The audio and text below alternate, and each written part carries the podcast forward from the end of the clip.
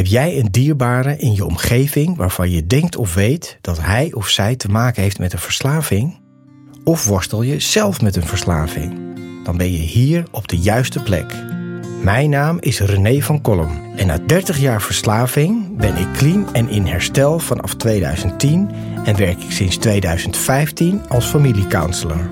Dit houdt in dat ik die mensen in de directe omgeving van iemand met een verslaving help. Want als je dicht bij iemand staat die verslaafd is, is het echt belangrijk dat je weet wat je wel en beter niet kan doen. In deze podcast, in samenwerking met Lev Magazine, neem ik je mee in de wereld van verslaving en de verslaafde. En leer ik je met mijn kennis en ervaring hoe jij hiermee om kan gaan, wat herstel is en wat je kan doen om jouw dierbaren te helpen en zelf overeind te blijven.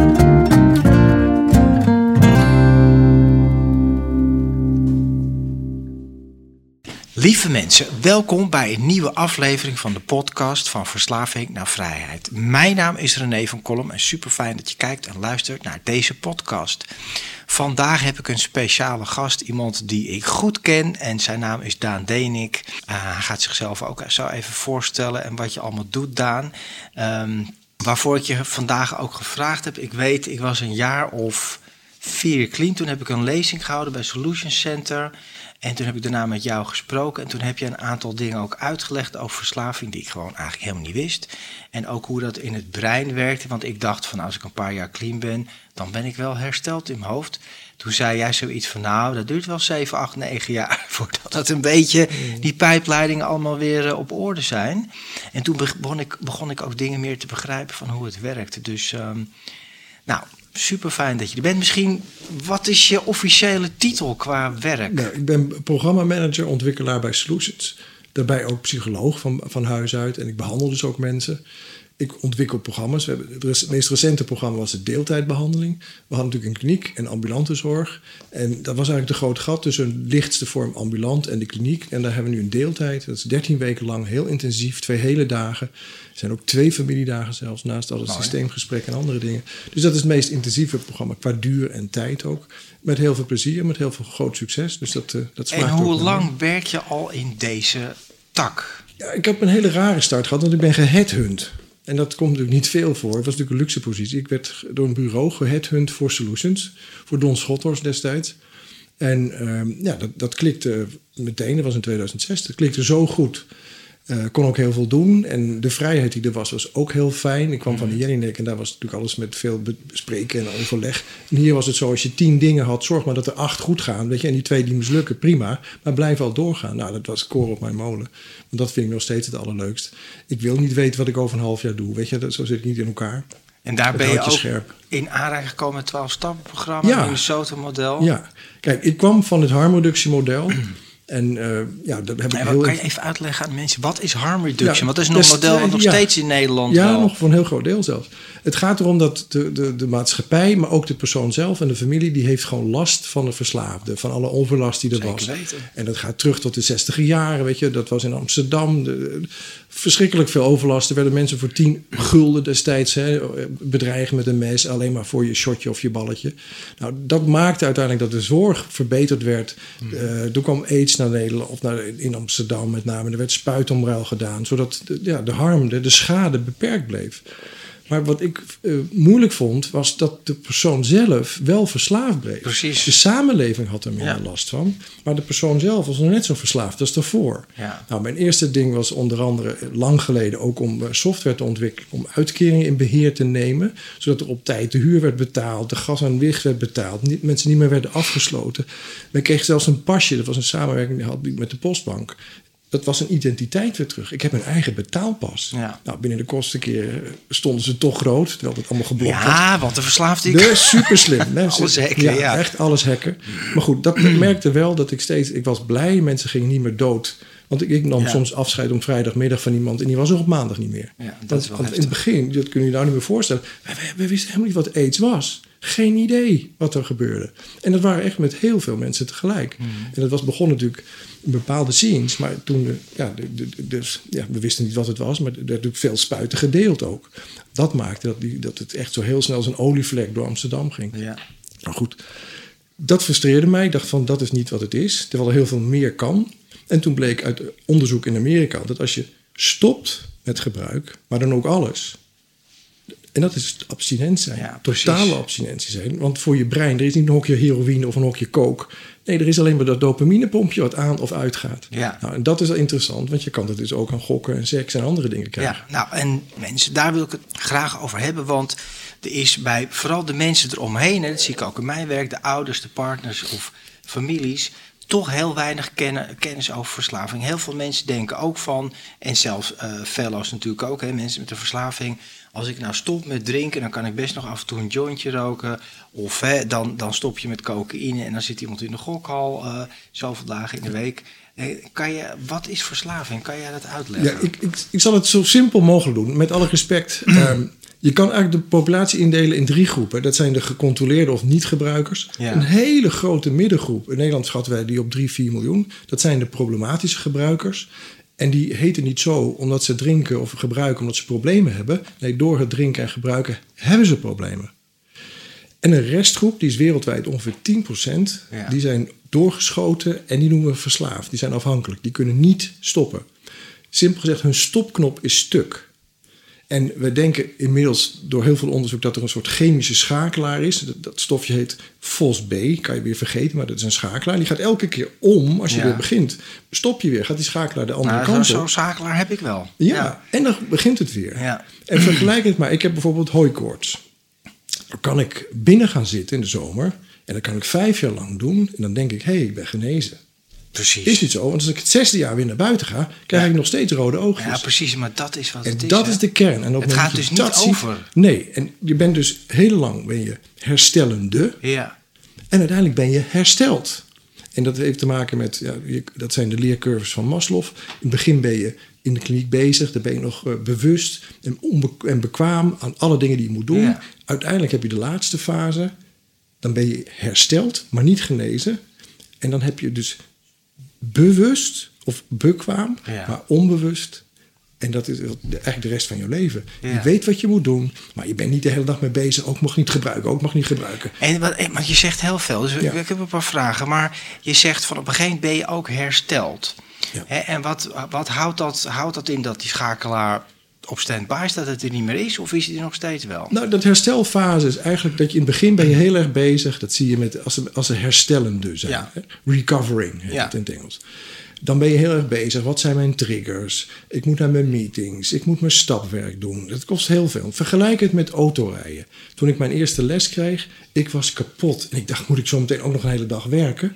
Dan ben je heel bewust met alles bezig. Ja. Maar alleen maar gefocust op herstel Ja. uiteindelijk denk je, dat is geen leven. Want dan ben je alleen maar bezig, ik mag niet gebruiken, ik mag niet gebruiken. Voor de omgeving is dat ook niet prettig. Maar uiteindelijk wordt het ja, your way of life. En dan ben je hersteld, maar niet genezen. Nee, kijk, maar en dat, dat, is een heel belangrijk punt. Ja, dus, want het klinkt als van ik ben hersteld. Dus ik zou ook, in mijn geval, ik heb twaalf jaar niks meer gebruikt. Ook nog wel een keertje wat kunnen gaan gebruiken. Maar niet dat ik dat wil, maar Nee. dat werkt dus niet. Nee, misschien een voorbeeld wat iedereen kent, wat, wat, wat, wat ja, omdat roken nou één keer veel genormaliseerder is. Ja. Stel dat iemand, een, een man, vrouw, eh, vijf jaar erover heeft gedaan om op twee pakjes sigaretten te komen. Nou, uiteindelijk vindt, eh, komt hij erachter, dat is dan niet verstandig, dat kan ik beter niet doen. Dus die stopt, die doet een cursus, doet een behandeling en stopt met roken. En rookt drie jaar niet.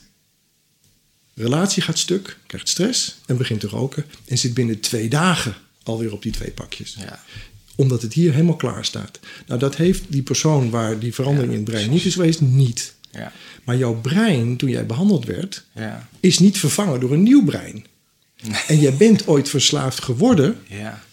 De logica is, dan kan je dus dat weer opnieuw worden. Ja. Want er was niet, je, bent niet, je bent uniek, maar zo uniek ben je ook weer niet. Nee, dus jouw Zeker. brein Nee. is nog hetzelfde brein Ja. Toen je het nog niet gebruikte. Ja, maar dit is zo, zulke belangrijke informatie. En mensen begrijpen dat niet en weten het nog. Ook niet de mensen die het zelf hebben.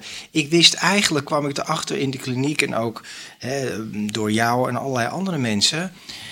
Dat ik eigenlijk ook niks van verslaving wist. En, hoe, hè, want heel veel hulpverlening is ook waar jij mee begon. eh, gericht op die harm reduction. Hè? Dus probeer, en ik word er altijd toch kwaad van, omdat ik zie van, ja, precies wat je zegt, mensen blijven verslaafd. Hè? Probeer te minderen. Schrijf op een briefje hoeveel je vandaag gebruikt hebt. En als dat een beetje oké is, nou, dan valt het wel mee, maar er verandert natuurlijk helemaal niks. Nee. En het, het erge vind ik nog, als het nog een beetje, ik bedoel het niet filijn, dat je bij sommige klinieken ook een keuze krijgt. Wilt, wilt u abstinent zijn of gecontroleerd gebruik? Ik heb het laatst weer gehoord. wat, denk, wat denk je dat een verslaafde zegt? Nou, doet u mij maar even die gecontroleerde gebruik. Ja. Je moet dat niet bij die persoon leggen. En dat vind ik überhaupt, hè, je maakt een aantal fases door Ja. bij een ontwikkeling. Je bent niet zomaar verslaafd. En in de belangrijkste symptomen eigenlijk van de stoornis is een toenemend afnemen van je controle. Dus het controlesysteem is eigenlijk steeds verder verstoord. Vertaal het even in ja, mate, bepaalde mate ontoerekeningsvatbaar. Ja.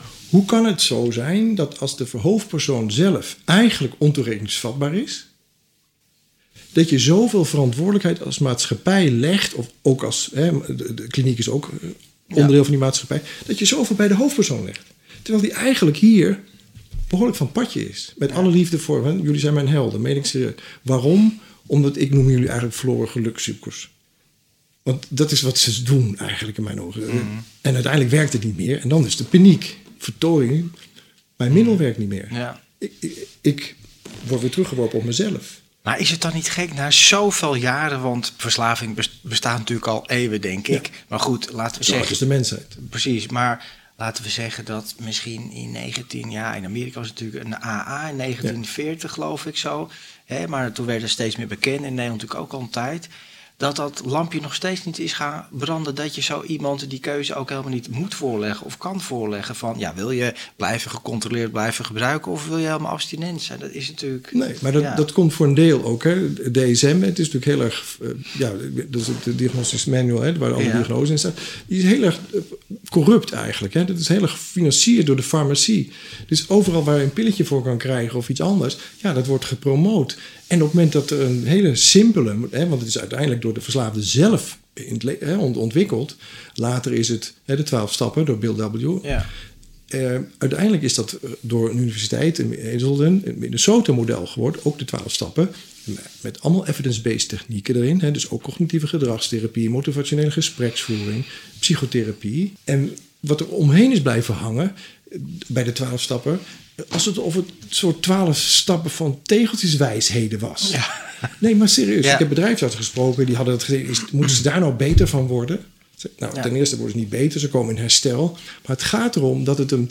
Het is niet zozeer een behandeling, maar met een mooi woord, een paradigma. Dus hoe kijk je nu naar verslaving? Ja. En op het moment dat je dat doorhebt en je weet dat ze eigenlijk zoeken naar iets wat ze niet vinden in zichzelf, wat ze dus buiten zichzelf leggen, dan ben je eigenlijk heel dicht bij het boeddhisme, bij de eerste vier stappen. Die leggen er ook alles eh, onder achter komen dingen buiten zichzelf. Status, roem, geluk. En dat doen verslaafden ook. En wij leren hen eigenlijk het spirituele, het helende, is het thuiskomen bij jezelf. En op het moment dat je thuiskomt bij jezelf, dan krijg je een enorme kracht en ontwikkeling. En kijk naar, kijk naar de samenleving. Kijk, we leven natuurlijk in een wereld waar sowieso alle problemen, pijntjes, moeilijkheden, verdriet en leegte worden opgelost met een quick fix, met een pilletje, een poeder, een dingetje. Precies. En inderdaad ook wat je zegt, zo'n DSM, hè, dat eh diagnostische handboek, wat ja, de zorgverzekeraar gebruikt, maar ook de psycholoog en de psychiater. Ik heb laatst opgezocht, maar het woord verslaving wordt daar ook niet in gebruikt. Het heet een, een, een stoornis tot middelengebruik. Hè? Of de gameverslaving staat er nu sinds kort wel in. Maar is dan matig tot ernstig. En ik vind het best wel schokkend eigenlijk dat er gewoon het woord verslaving eigenlijk niet Nee. in gebruikt wordt. Nou ja, vroeger was het misuse en abuse en dat, dat Ja. soort dingen. Maar kijk, het, het- jammer ook, want het is een gemiste kans. Want het woord verslaving in het Nederlands dekt zoveel meer dan alleen het middel. Nou ja, je bent precies. slaaf van. Ja, nou, dat zeg En ik ook altijd. Daarom zeggen we in de behandeling altijd: sta je niet, sta je niet blind, ook, ook, ook familie niet, hè, sta je niet op blind op het feit dat iemand niet meer drinkt. Maar dat is maar 20% van het verhaal. Ja. En dat is ook, jij had het over dopaminepompje, want dat Ja. denken veel mensen. Ik dacht ook vroeger, en dat is natuurlijk een beetje een technisch verhaal, maar door de, maakt niet uit welke middelen het zijn. Maar ik word stoned. Hè, er zit iets in die middelen waardoor ik stoned of high word of zo. Maar eigenlijk is het toch dat die middelen triggeren eh, eh, dat dopamine gebeuren in je hoofd. Dus neem, de, de- neem, neem bijvoorbeeld seks of neem bijvoorbeeld gokken of Nou, gamen. precies. Daar komt niks binnen, Nee. hè? ook bij de seks niet. En toch gaat het pompje aan. Het gaat om die pompje, maar die komt in een hogere versnelling. Waardoor er dus ja, een prettig gevoel komt. Of bij, bij kook, dan blijft een bepaalde dopamine... Die, die zorgen dat het langer in een bepaalde Ja. spleet blijft... zodat het steeds meer geprikkeld wordt. Dus het werkt niet allemaal op dezelfde manier. Maar het gaat om die dopamine. ja. En wat is dopamine voor Ja, mensen die dat niet Dopamine is een stofje, niet een slecht stofje. Het is een stofje wat nodig is zodat je in beweging komt, zodat je geactiveerd wordt. Nou, wat zie je bijvoorbeeld bij iemand die het niet meer heeft? En dat zijn mensen met Parkinson. Daar is een substantia nigra, dat is een deel van het brein. Die ligt, ja, dat is bijna stil tot stilstand gekomen. Dat zijn een beetje de mensen die Ja. helemaal in de stoel zitten. Ja, want dopamine is toch ook als je iets... Het is een beloningssysteem. Als je iets doet wat fijn is, dan wil je dat herhalen. Het geeft een goed gevoel. Precies. Maar als je een, een- iemand eh, prikkelt met dopamine, prima. Maar zorg dat je uit heel veel verschillende dingen krijgt. Dus uit je liefhebben voor je partner, voor je kinderen, voor je hobby's, uit je werk, uit je sport. Ja. Uit nou, vul maar in. Ja. Maar wat gebeurt er bij de ontwikkeling van een verslaafde? Dan zie je vaak als je terugkijkt dat al die dingen die vroeger intrinsiek als fijn werden ervaren, bijna allemaal wegvallen. Ja, klopt. En dan krijg je, ja, ik, ik weet niet of je het kan zien, dan krijg je zo'n puntzakje naar beneden toe. En die punt is je relatie met je verslaving. Ja. In de behandeling maken we dat weer een brede basis. Ja. Dat je uit, hè, dat hoef je aan de gokker niet uit te leggen, door een risicospreiding. Het gaat niet om die grote dingen in je leven. Daar, Mm. daar zijn er maar een paar van. Maar zorg dat je aan het eind van de dag, zo begin ik mijn dag, ik vind licht en liefde brengen het enige wat telt. En de rest is van geen waarde. Kan je al soft vinden, ja. maar dat is het enige Nee, wat maar telt. zo is het ook. zo is het ook. En ik weet ook dat dat gevoel had ik in de eerste eh, nou, maanden en ook wel jaren van me hersteld. Dat ik s'avonds in de spiegel kon kijken en had ik niks bijzonders gedaan. Ik had die geval niet gebruikt, maar een meeting en ging iemand geholpen. En gewoon mezelf ook hè, dat nee zeggen tegen al die dingen waar je normaal ja tegen zegt. En dan kon je in de spiegel kijken en dan dacht je van... Dat gaf al een goed Ja, gevoel, weet je. Inderdaad, dat een nuchter in je mandje stapt, alleen al. Ja, dat alleen al is al een hele grote toestand. Maar dit is voor niet-verslaafden niet te begrijpen. Nee. Nou, hoezo? Dat is toch makkelijk? Ja. daar nou zo? Nee, maar dat is ook nog steeds wat. Hè, nou, heb net een podcast ervoor opgenomen. Met dat stigma. Hè, dat het maar niet bespreekbaar blijft. En niet over praten. En wil ik eigenlijk een, even een schakeling maken Ja. naar de families. Want ik neem aan dat jij dat ook veel tegenkomt. Partners, familieleden, ouders. die dat nog steeds moeilijk vinden. maar die het ook niet begrijpen. Nee. En, en om de tuin worden. Wat zeg jij tegen die mensen? Als ze worden om de tuin geleid, Nee. gemanipuleerd, gedaan, Precies. Dan meegenomen. komt, we beginnen. Hè, ik, nou goed, ik hoef de kliniek niet te noemen. We zijn aanmerken in Nederland. Nou, je mag hem wel noemen hoor. Het Oké, Solution nou, Center. Ja, we, goede- we denken in oplossingen. Daarom Ja. heten we Solutions. En, en, ja, dat is Ja. serieus. We hebben niks voor niks. Of niks zomaar. Eh, Verslaving, de verslaafden in het algemeen, even generaliseerd, die denken in problemen. Want daar Ja. gebruik je op. Ja. Wat, wat wij zeiden, nee, je moet mensen in behandeling in oplossingen gaan leren denken. En dat is niet meer dan een spel met woorden, dat is echt heel serieus. Mhm. Dus de familie die heeft ook een, een behandeling. En dat begint met educatie. En waarom is educatie nog belangrijk? Zij, zij worden in een spel betrokken waar ze de spelregels niet eens van precies. Ja. En op het moment dat jij wel weet... hey, bijvoorbeeld iemand zit aan drooggebruik. Dan leg ik uit, weet- dan leg ik eerst ook uit wat drooggebruik is. Dan zitten ze in hun hoofd even te denken over de middelen, hoe leuk het allemaal was. En dan vraag ik aan die familie, dan, Ja. dan gaan ze altijd wat giechelen, giechelen. Zijn jullie wel eens verliefd geweest? Nou, natuurlijk alle vingers omhoog. Ja. En toen zei ik, wat doe jij nou als je hem of haar niet zag? Bijvoorbeeld door de week. Ja, En dan gaan ze een beetje lachen. Ja, dan ging ik aan ze denken. ja tuurlijk. zeg wat denken, wat gaf dat voor gevoel? Ja. Daar voelde ik me goed bij. Nou, dat is precies wat de verslaafde doet op het moment die, dat hij niet meer gebruikt. Dan gaat hij daarover denken en fantaseren. Kan je je voorstellen dat als hij een alcoholvrij biertje drinkt... met die schuimkracht tegen zijn bovenlip... Ja, dat de glas, ja, de geur, het ding, dat hetzelfde gebeurt in dat brein. Hé, hey, daar komt zometeen alcohol en dopamine aan. Ja. Allemaal onbewust. En dat moment kan je ook uitleggen. En dan, ga je, want dan heb je de eigen experientiële ervaring van de familie. Want die zijn verliefd geweest. Dan is het niet meer opeens een verhaal van of over. Nee, dan wordt het heel persoonlijk. Mhm. En heb je wel eens hunkering gehad? Ja. Zucht naar die partner. Ja. Niet- Niet direct zin in de, in de zucht en de seks, maar gewoon dat je iemand miste. Ja. Zij missen hun middel ook. Ondanks het feit dat ze weten dat ze jullie pijn hebben gedaan. Ja, zichzelf als je eraan doodgaat ook. Die Maar- zucht, je kan wel zeggen, Ja. ja. relatie uit, er zijn nog zoveel anderen. Ja, Dat zeg je toch ook niet? nee. En dan wordt het dus heel concreet. En dan wordt het voelbaar. En dan is het oordelen weg.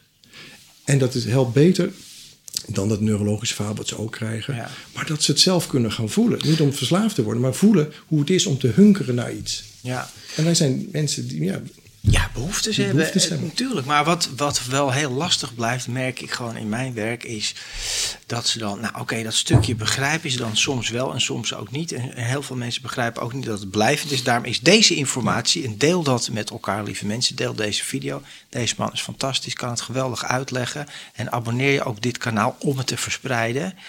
Maar wat ik zie is dat die mensen dan toch zeggen. Die vinden dat dan heel moeilijk om dan, hé, ik leer ze ook om grenzen te stellen. Mm. Want ja, je weet, ik bedoel, het is net wat je zegt. De verslaafde bepaalt de spelregels. En als je eh, geen grenzen stelt, dan ga je, word je gewoon meegenomen. En mensen doen hetzelfde eigenlijk als die verslaafden. Ze komen in ontkenning, ze worden ziek, burn-out, verdriet, ellende. Ja. Maar ze blijven dat toch moeilijk om dan, eh, vinden dat, blijven dat moeilijk vinden om een grens te stellen naar iemand die een verslaving heeft. Maar goed, dat ligt ook wat complexer. Hè? Heel veel therapeuten, zeker wat, wat onervaren, die roepen: Ja. ja. je moet je grenzen stellen. Maar dat is een loze opmerking als iemand niet eerst weet en uitzoekt voor zichzelf: wat zijn mijn kernwaardes? Wat doe ik op deze planeet? Wat doe ik in deze relatie? Wat doe ik op mijn werk? Wat vind ik daar belangrijk in? En op het moment dat je die waardes kent en dat in verband brengt met, Met de relatie toestand, waar je ja. in zit, hoe ver is de verslaafde in actief gebruik over die jouw kernwaardes heen gegaan? Neem kernwaarde vertrouwen. Ja. Hoe, hoe, hoeveel vertrouwen is er nu nog? En dan heb je zo meteen iemand in herstel en die is bezig, goed bezig, gaat naar meetings, is een vier weken binnen geweest. En ze merken, waar is dat vertrouwen nou? Ik heb het toch goed gedaan? Ja. Nee, dat vertrouwen dat duurt veel langer. Het vertrouwde paard komt te voet. Ja, maar op het moment dat je dat weet en dat deelt met elkaar, dan wordt het gemeenschappelijk iets. Ja. En dan blijft niet die verslaafde heel- ja, weer stampvoetend, hè? want dus dan komt het oude gedrag weer terug. Ja. Ik wil het nu, ik wil het nu. En dat is typisch, hè, dat impuls, dat is waar de omgeving van denkt. hey, zie je, daar heb je het oude gedrag weer. Ook deze behandeling heeft er totaal niet geholpen. Ja. Het is geen quick fix. Nog in het herstel van het, her- van I het know, vertrouwen. Ja. En dan is het wel belangrijk dat je samen doet. Dus ga een keer mee naar een meeting. Ja. Ga bijvoorbeeld ook naar je eigen zelfhulpgroepen. Nou, Daar zijn er veel precies. van. Ik heb net een podcast opgenomen die heet. eh, hè, want je hebt toch het spreekwoord. eh, eh, zwijgen is goud en spreken is zilver. Maar ik heb dat omgedraaid. Hè, spreken is goud en zwijgen is fout. Ja, Want ja, er wordt. Er wordt niet gesproken en vertel het me niet aan papa. En laat het vooral niet alles maar onder het tapijt. En mijn moeder deed dat ook. Hè. Die zei ook van. En, en ook wel in die ontkenning dat ze, en dat is lastig voor de naasten, dat ze kunnen dat, dat lieve babytje of dat lieve jongetje of meisje, wat er is, kunnen ze niet loskoppelen van die verslaving. Nee. Dus mijn moeder zei ook van, eh, ja nee, maar dat doet Renéetje niet. Nou, dat deed Renéetje dus wel. En, en nog veel meer. Hè. Dus dat, dat is heel lastig voor de naasten. Is ook, is ook heel lastig. Want je, de persoon en de verslaving. Ik probeer Ja. altijd te zeggen, ja, die grenzen of dat dingen die je niet wil, die zet je tegen dat gedrag in. Precies. Maar check ook bij jezelf, weet je. Ehm, dit is jouw kind, hè? Van, eh, de, de, het kind van jouw moeder. Ja. En je hebt een gedrag ontwikkeld. En op het moment dat dat gedrag echt iets is wat los van jouw kernwaarden en je waarden afstaat, waar je geen sturing meer over hebt, dan, ben je, dan is het heel makkelijk om te zeggen: ja, maar ze doen het toch zelf, dus daar zijn ze verantwoordelijk voor. Maar daar zie je echt ook op neurologisch niveau: nee, er is echt een tweedeling ontstaan, waardoor er geen sturing meer is. En op het moment dat je dus zoveel bij de verantwoordelijkheid ligt van de cliënt zelf. Dan is dat heel apart, ook als familie om dat te doen. En het helpt ook niet. En ik zie bij de familie, op het moment dat ook zij het concept, het ziekteconcept omarmen, dat ze eh, milder worden naar, naar een omgeving. Dat ze ook dingen, nou, maar dan heb ik ook wel, eh, want ik vraag dat wel, hè, stel dat je kind suikerziekte heeft, zou je dat dan wel gedeeld hebben op die verjaardag? Ja, natuurlijk. nee, natuurlijk, daar Ja. geen probleem. Ja, zeg maar wat is dan het. verschil? Ja. En dat vertel ik dan aan de hand van een, dat is een, een, een, een gezellige zomermiddag. En er zit de familie zit in de tuin. En eh, de gastvrouw komt langs en heeft een, een schaal met aardbeien. En die komt naar de eerste toe en die zegt: eh, Nee, ik heb een allergie. Hé, wat vervelend. Oh, je weet niet wat je mist. Zeker met Ja. slagroom. Ze zijn zo lekker dit Ja. jaar. Die krijgt begrip. Ja. Daarnaast zit iemand die drinkt niet meer. ja. Wil je een wijntje of een biertje? Ja. Nee, ik drink niet. Ah, eentje kan toch wel? Er is geen stoornis, alcoholisme, die zich zo moet verdedigen en uitleggen waarom ze niet gebruiken. Als de samenleving die hier naar kijkt, dat zou stoppen. En gewoon zeggen, hé, hey, oh, die heeft misschien allergie voor alcohol, whatever. Dan heb je al zoveel kans dat het stigma eraf wordt en minder wordt. Ja. En dat is zo belangrijk, omdat het mensen... Niet om ze zielig te maken. Ik bedoel, verslaafden die kunnen heel wat hebben. Hoor. De handschoentjes mogen uit en de porseleinen kast naar zolder. Maar het gaat erom dat er erkenning wordt voor een stoornis... waar ze niet voor gekozen hebben. Want het, het aantal fases waar mensen doorgaan is heel belangrijk. En dat is een heel belangrijk stukje, als ik dat kan uitleggen. In de eerste twee fases drinken, gebruiken mensen... om zich prettig te voelen. Te ontspannen. Even de... Ja, ontspanning. Vanaf de derde, de kritieke fase, en daar weet de omgeving vaak als eerste van dat ze in die fase terecht zijn gekomen, slaat het om. En in de derde, vierde, vijfde fase gebruik je om je niet slecht te voelen. Ja, die ken ik. En daar is waar het fout gaat. Want als je gaat denken naar die samenleving, wat ze zeggen, ze doen het zelf, dat geldt alleen maar voor die eerste twee fases. Ik heb nog nooit iemand ontmoet in, die de derde fase zelf deed. En als de omgeving dat doorkrijgt, op het moment dat iemand in die derde fase gaat, en dat is het verneukeratieve van de stoornis, hè, het oud-Hollandse woord foppen, je weet pas dat je in die derde fase zit als je erin zit. Ja, dus hoe is. kan je dan Ja. zeggen als samenleving, ze doen het zelf? Ja. Gewoon uit, uit neurologie, uit logische gronden, allemaal, allemaal broodjes aap en onzin.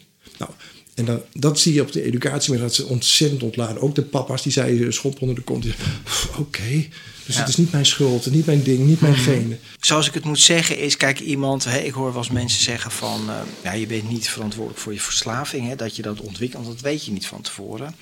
Hoewel ik wel wist toen ik heroïne ging gebruiken dat dat waarschijnlijk niet zo'n goed idee is. Maar de naïviteit hè, en dat stuk overschatting van ik Ja. kan dat wel. In het begin zie je er natuurlijk allemaal geen kwaad in. Maar op een gegeven moment heb je dan wel een verslaving. Maar je, er wordt dan nog gezegd, maar je bent wel verantwoordelijk voor je herstel daarvan. Hè? Dus op een gegeven moment is het ook wel jouw taak toch om er echt wat aan te gaan doen. Ja, ja. Maar dat, dat, dat is een beslissing. Hè? Rock bottom is, niet een, to- eh, is, is een bewust uiteindelijk een, een- een toestandsbeeld waar, Ja. je niet, waar je niet heen wilde, maar daar ben je in gekomen. En op het moment dat je in herstel komt, en dat, is, dat kan je ook zien bij een scan, hè? na 90 dagen, dat is ook zo grappig, dat de 90 days, 90 meetings, hè? Ja. die, die one-liner van de AA, echt al heel lang bekend is met hersenscan, met SPECT-scans met name, dat je echt fundamenteel al verandering in het brein ziet. Na 90 dagen. Ja, na Als 90 iemand dagen. helemaal niks meer Niks gebruikt. gedaan, Hè? ja, maar ook, ook geen gedrag. Want Nee. wat ook gebeurt is mensen die geen middelen gebruiken... die dan de hele dag op een Playstation zitten of achter... Nee, ook geen nog gedrag. steeds hetzelfde. Ook geen sport. Weet je, in die zin wel, wel Ja, oké om te hardlopen niet. Maar niet als het sport een functie wordt en die endorfine aanjaagt en eigenlijk hetzelfde pretstofjes weer aanzet. En dat, is, en dat geldt voor seks ook. Hè. Er zijn Ja. mensen die wel eens eh, heel lang opeens geen intimiteit hadden omdat de papa altijd of de vader altijd eh, dronken was eh, met intimiteit. En uiteindelijk komen ze in de kliniek en hebben ze opeens heel veel seks. En wij noemen dat masturberen met een ander lichaam. Dat heeft niks met, met intimiteit te maken. Nee. maar dat, dat zie je hetzelfde. En wake up, wake up. Je, kan, je hoeft niet bang te zijn dat ze daardoor terugvallen je moet de dingen noemen zoals ze zijn. En hoe, hoe eerder je en eerlijker je bent. Dit is een programma van openheid, eerlijkheid en transparantie. Als de omgeving ook weet. Ik hoef niemand meer met handschoentjes aan te pakken. Want op het moment hoe eerder je uit die, uit die patiëntrol kan. en het gelijkwaardig wordt en vertrouwt. ze hebben hun sponsor, hun fellows. Ja. en de behandelaren, maar goed, dat is tijdelijk. Dat is een heel groot netwerk. Ja, dat is gigantisch. Daar En de metafoor die daarbij hoort. Weet je, ze moeten het wel zelf een eigen leven doen. Maar ze hoeven het nooit meer alleen te doen. Ja. En dat geeft de familie heel veel lucht. Ja, dat is mooi. Oh, en, en dat is ook een belangrijke boodschap. Trouwens, een sponsor Ja. is een soort buddy voor mensen die Dat geeft geen weten. geld. Nee. Nee, geeft geen geld. Eh, maar wat heel belangrijk is, want dat is ook vaak zo, dat ze dan denken van, ja, maar dan als ouders of partner moet ik er helemaal voor zijn en elk telefoontje opnemen. Maar eigenlijk moeten ze gewoon naar hun fellows toe, naar hun lotgenoten die het begrijpen. Want als ik mijn vrouw opbelde van, eh, ik heb een moeilijke dag en ik heb vandaag ook wel zin om te blowen of weet ik veel wat. Nou, dan schieten ze, ja, schieten ze. En wat moet ik nu doen? Nou, dat weet ze dus niet. Dat is eigenlijk niet de goede persoon. Precies. Dus die verhouding moet eigenlijk En de schrikreactie geeft ook, ook doet het verkeerd, weet je? Ja, precies. Dat, dat scannen, dat gaat nog heel lang door, dat elkaar scannen. Wat moeten ouders vooral niet doen, vind jij, Daan? Nou, betuttelen, weet je. Het is uiteindelijk eh, het is een stoornis, net als elke andere stoornis. Hè? Ja. Alleen, en dat is wat het anders maakt, in die, vanaf de derde, vierde, vijfde fase. Het is de enige stoornis met kanker samen die traumatiserend werkt voor degene die de stoornis heeft en de omgeving. En die trauma's, mensen hebben soms trauma's en gaan daardoor gebruiken. Maar elke verslaafde wordt getraumatiseerd door de stoornis zelf. En dat wordt heel vaak vergeten. Dus op het moment dat jij weet van, hé, hey, oké, wat doe ik aan traumabehandeling? Dan heb je dus flashbacks. Je hebt eh, elk trauma, dat hebben zij ook. En, en vaak zijn het flashbacks naar heftige dingen of soms leuke dingen toen het nog allemaal leuk was. Ja. En al die dingen, vraag er gewoon eens naar. Hé, hey, je bent wat stil. Wat gebeurt er allemaal in je hoofd? Ik vind het niet uit controle, maar gewoon, ik, ik vind het heel belangrijk om jouw binnenwereld te leren kennen. Ja, dus echt met elkaar ben je echt, spreken. Ben je echt Ja. geïnteresseerd in? Ja, natuurlijk, lieverd. Ja. Want uiteindelijk is houden van is een werkwoord. Alle vormen van boosheid en verdriet, whatever, is allemaal andere woorden voor houden van. Ja. Wanneer je het tegenovergestelde van houden van is onverschilligheid. Dan hebben mensen een groot probleem. Hè? Van hier is hij, doe met je wil, wat je wil. Ik ben er klaar mee. Nou ja, maar dat is wat verslaving natuurlijk wel doet. Hè. Die verbindingen worden altijd verbroken. Precies. Hè, dus dat is mijn dingetje van... Ja, verslaving verbreekt verbinding. Ja, dus maar dat opbouwen, dat is mijn punt. Dat opbouwen. Een lang antwoord misschien, maar Ja. op, opbouwen van die verbinding. om dat vooral wel te doen. door ernaar te vragen. Ja. En weet je, Maar mensen vinden het heel eh, spannend om over een gevoel te praten. Want dan moeten ouders of partners ook gaan delen hoe dat is. Ja, nee, Dus- maar, maar dat is niet alleen voor, binnen verslaafde eh, Ja, dingen. Als je op straat loopt en zegt hoe gaat het? Ja. En je zegt ja, moet ik nou met de bus halen? Vraag het dan niet. ja, Ja, dan meen ik serieus. Als je niet echt geïnteresseerd bent, als je echt gaat vertellen. Ik, ik heb een depressie gehad. Toen kwam ik voor het eerst weer eh, buiten. Dat- Echt, dat was heel lang binnen. En eh, ik in 1890, was toen mijn stamkroeg. En iemand vroeg dat. En toen zei ik, dat gaat wel weer. En opeens had ik de aandacht. Want ik was altijd, ja, het gaat goed, weet je wel. En toen zei ik, nou, het gaat wel weer. Was opeens, oh. Maar het was echt iemand die echt voor het eerst vroeg, wat, wat is er Ja. dan gebeurd? maar dat is heel belangrijk. Maar denk ik, wat raar eigenlijk. Ja. Vraag het dan niet als je niet echt geïnteresseerd Ja. bent. Dan meen ik. Dan is het zo'n automatisme geworden, waardoor dat uiteindelijk een automatisch antwoord ook oplevert. Ja, ja, nou ik vind het heel mooi. Ik vind het ook wel mooi om hiermee af te sluiten. Maar de wacht, hè, de, want je hebt natuurlijk. De war on drugs die is bijvoorbeeld al verloren in alle landen. Hè, dus het begint gewoon over bewustzijn, over preventie. Wat is verslaving? Hoe werkt het? En dat makkelijker erover denken. En het hoort er allemaal maar bij. En als, je- als je 13, 14 bent en dan ga je maar drinken en blowen. Hè, het is op schoolplein, alles is... Maar het hoort gewoon niet thuis in een jongere brein. En wat, drugs. wat u nu dat noemt, hè, die war on drugs, wat ik het Ja. meest eh, zieke vind en jammere vind, als we dat geld Ja, zouden besteed hebben, of nog steeds, aan behandeling, maar alle behandelingen, alle behandelingen in Nederland gratis, inclusief alle somatische stoornissen. ja, Want het is een veelvoud van wat we in de gezondheidszorg is. En dat gaat verdampt. Het is niets. Ja. Los even van alle politieagenten die helaas daardoor doodgaan. En, en nou, daar heb ik niet eens over die- Alle ja. ellende. Ja. Stop daarmee met die onzin. Het gaat nooit winnen. En helemaal word ik boos als mensen... Ik had een keer een hoge man van de VN in een lezing in UCSAT. Mhm. Die zei, er zijn politici die zeggen... ja, we moeten het vrijgeven. ja. Vrijgeven, het is, het is vrij.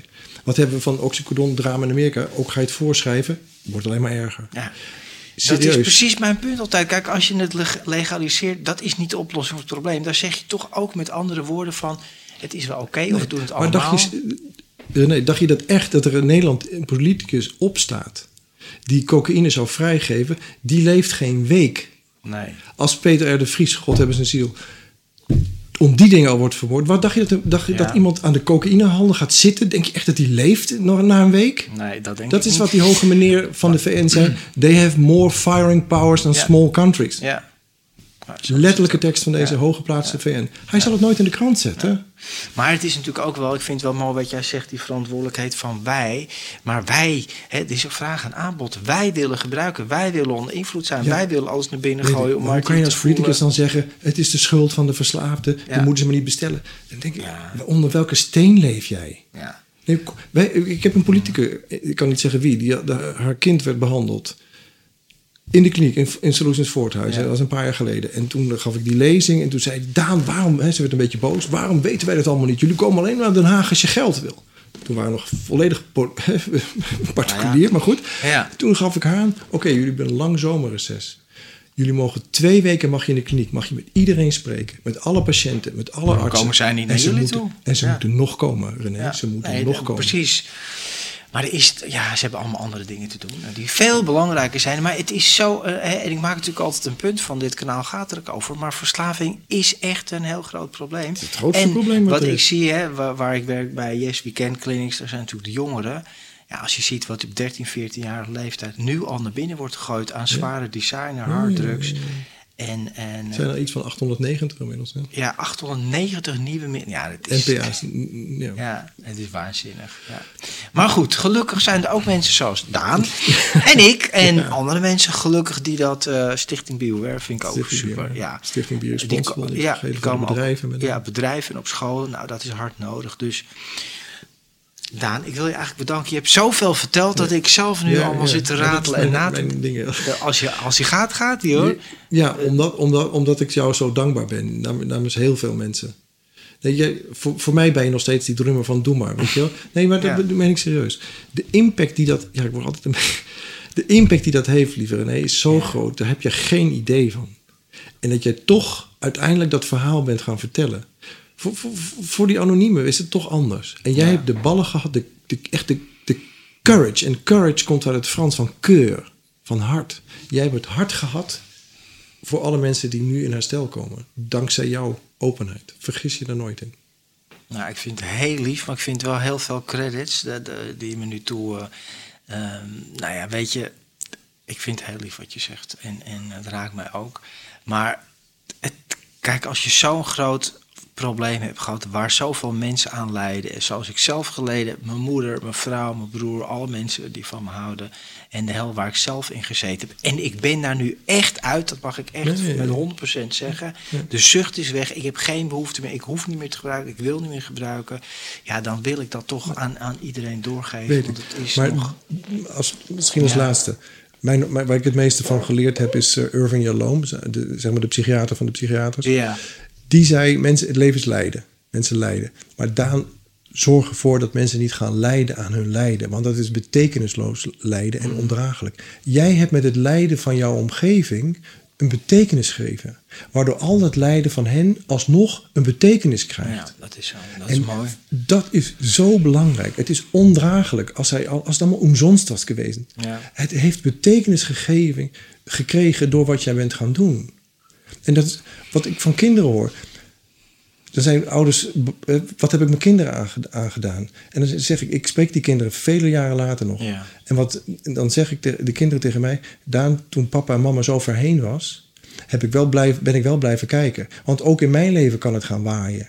En dan weet ik, hoe slecht het ook in mijn leven gaat, er is altijd hoop. Ja. En hoop sterft als laatste. En dat is wat jij doet. Hoop geven. Jij bent gestolde hoop. Ja. Don't Nou, forget it. ik, nou, ik vind het heel lief, ik word er ongemakkelijk van. Maar het, weet je, het gaat niet om mij, het gaat gewoon om het principe dat dat kan.